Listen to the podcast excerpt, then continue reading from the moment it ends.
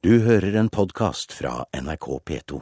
Og nå er det bare Barry igjen av brødretrioen The Bee Gees, The Brothers Gibbs, som dette er en forkortelse for. For um, etter lang tids sykdom døde Robin Gibb, 63 år gammel. Bård Ose, en ganske spesiell artist, det. Ja, jeg vil jo si såpass at uh, Robin Gibb, uh, i likhet med sine brødre, var en stilskaper. Han hadde en litt spesiell stemme som uh, i hvert fall utmerket seg både i The Bee Gees og utenfor. Og du vet hva du snakker om, for du er musikkjournalist og, og kjent programleder for Pils, bl.a. i NRK eh, P1. Vil du si, Bård, at Bee Gees er en undervurdert gruppe? Ja, absolutt.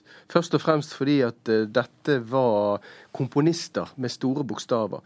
The Bee Gees, uh, enten uh, hver for seg eller sammen, de komponerte veldig sånn målrettet. Enten for seg sjøl eller for andre artister. Og de, de, avslørte en gang at uh, de tenkte ofte på andre artister når de satt og komponerte. De, de, sa som regel ja, hvem skal vi lage en sang til nå? Uh, Otis Redding. OK. Så tenkte de på soul og, og litt eh, sånn musikk. Og, og, da kom de opp med en, en, sang som heter To Love Somebody, som hadde passet veldig bra til Otis Redding, men så brukte de det sjøl. Hvordan vil du beskrive Robin Gibbs rolle i Bee Gees, Brother Gibbs? Ja, altså han, han var venstrevingen. Eh, hvis du kan si at eh, Barry var høyrevingen og den som dominerte litt. Han var jo storebror og, den som fikk guttene med seg. Eh, og Morris han var på en måte mellommann mellom de to. Så var Robin han som sto litt til venstre, og som kanskje ikke slapp til så mye som han ville. Derfor så stakk han jo også av i 1969 og laget soloplate og sa farvel til The Bee Gees og kom tilbake igjen etter et år når han hadde tenkt seg om. Men uh, igjen, det der med at uh, disse tre brødrene utfylte hverandre voldsomt. Og, og, det kom alltid frem når de laget nye plater.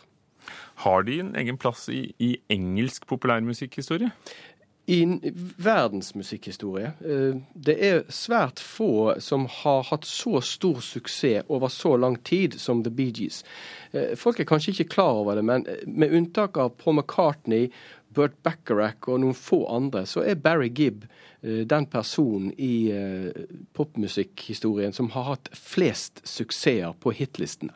Uh, og sammen med sin bror Robin, og også Morris selvfølgelig, så står han for et vanvittig platesalg. Det, det er egentlig populærmusikkens elite vi snakker om. slik at du kan ikke undervurdere The Bee Gees. Da må man egentlig ha gode argumenter.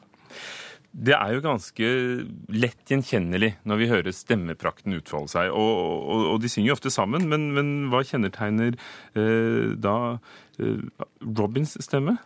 Robin er han som har den litt rare vibratoen. En sånn skjelving i stemmen. Og han, han, slipper til ofte i det som vi kaller stikket i en komposisjon. Barry ledet som regel an. Og så kom der et eh, stikk, et mellomparti, der du hørte en, en stemme som sang det er Robin. Og Du hører det veldig godt uh, i sanger som You Win Again, der det er han som da synger på tampen av refrengene. Ah!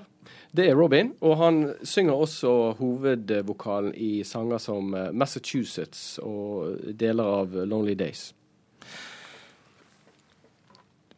Er det disko?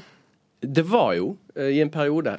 Bee Gees startet jo som et rent poporkester. Egentlig var det jo barnestjerner. Eh, i Australia i den tiden de bodde der. Barry Gibb han var så vidt kommet i tenårene og fikk med seg disse to uh, lillebrødrene sine. Og laget uh, gruppen Bee Gees. Noen mener, som meg, at det står for Brothers Gibb, mens andre mener at det står egentlig for Barry Gibbs. Men ja, altså, det, er, det, er, litt omstridt, det der? Litt omstridt, det. Fordi det var Barry som var sjefen. Men så, eh, i 1967, da var fremdeles eh, Robin og Morris bare 17 år gamle, så reiste trioen til England, skaffet seg stor platekontrakt der, og eh, gjorde furore med popsanger som eh, Massachusetts, To Love Somebody og eh, mange andre slagere. Og de turnerte faktisk med et symfoniorkester. Og dette var lenge før andre grupper torde å gjøre det samme. og Sånn sett kan du si at det som Bee Gees gjorde på tampen av 60-tallet, var en forløper til Electric Light Orchestra. Og så har de en eh, nedtur. Eh, det er ikke så populært med snill pop. I 1977 så får de et fantastisk comeback med Saturday Night Fever. Men da har de allerede lagt grunnlaget et par år før, fordi de er interessert i amerikansk soul, rhythm and blues. Reiser til Amerika, lager nye plater der. og så blir de tatt med i denne diskofilmen og får stempelet diskokonger. Og det syns jeg er litt ufortjent. Eh, de er popkonger, ja. Men disko det var bare en del av uh, Bee Gees sin historie. Uh, ironisk nok kanskje den mest suksessrike. Og du snakker med en viss pondus, for du har fulgt dem ja, siden jeg, jeg, har fulgt dem siden jeg hørte Massachusetts på NRK. Jeg må understreke det.